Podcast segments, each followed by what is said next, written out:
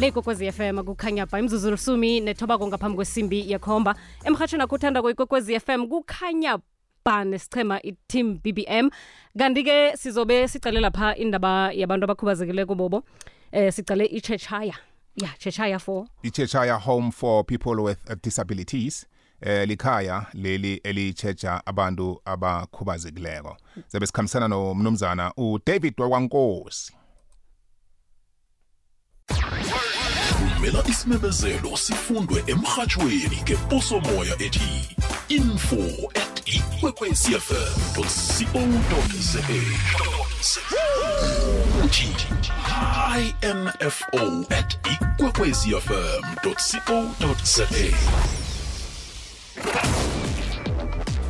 ungalalela ihlelo olithandako nelikuphundileko ngesikhathi sakho.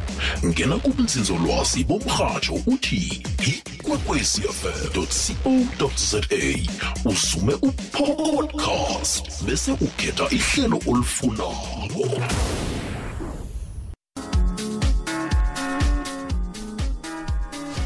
Ibali ithumi nobunane ngaphambi kwana kubethe nasa isimbi yobunane. 18 minutes to 8 ngo-8 o'clock zindaba zephasi nothemba sindana unzotho.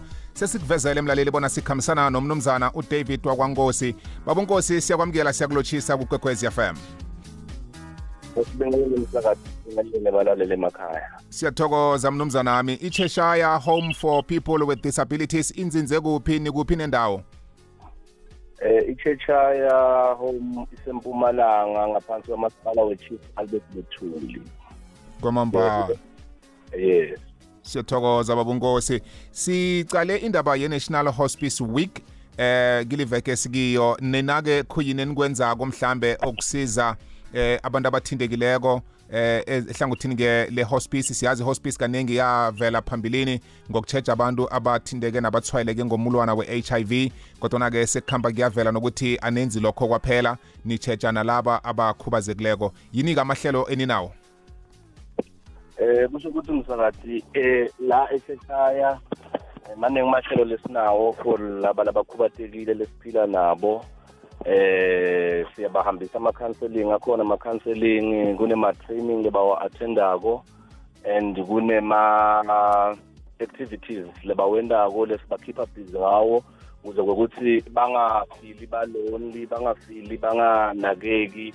Nabo babe nale comfort nathi lesinayo thina lesikhona kutendela nabo bat- ba- bative bakhona bakhona kutendela msakazi. Kwamambala iyazwakala babunkosi eh mhlambe okhunyaye kube ma-challenges ngoba ngiyazi ukuthi ukuletha insiza nesizo emntwini okhubazekileko nemindenini akubi lula. Ama-challenges enicalene nawo ngimaphi? Eh angisho msakade ukuthi ama-challenges akhona njengoba noma ngabe ngiliphi likhaya liba nawo ma-challenges. Kakhulu kakhulu ma-challenges amanye lesiba nawo. Kunema-families uthole ukuthi bafikile e-center baregister i-resident yabo abasavakashi kutoyihlola sekuba naloko naloko. Kanti nema-challenges-ke msakadi ema-funds siyathi ukuthi ama-facilities lafana nalawa ma-facilities eh ladzinga tinsita kakhulu eh sinawo-ke ama-challenges ema-funds because uma kunema-funds uyakhona kuletha more program for lawo ma-resident lasuke akhona at that time ku-facility. Okay. Um akhe sibuyele emva kancane njengoba kuyokugidingwa i-hospice week nje babonkosi alisizo kangangani ama-hospice la emphakathini sesicala ukuthi ayagidingwa begoduke sicale ukuqakatheka kwawo? Alisizo kangangani?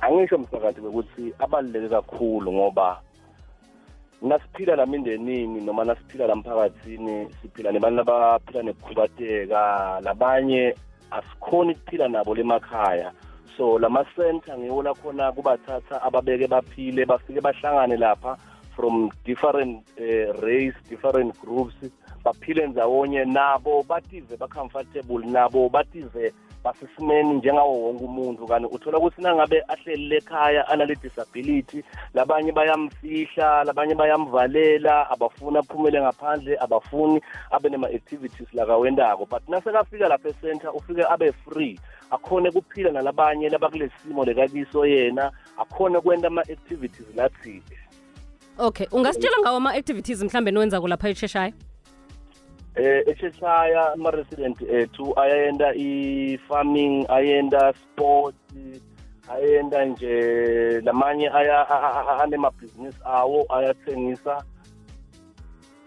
Okay.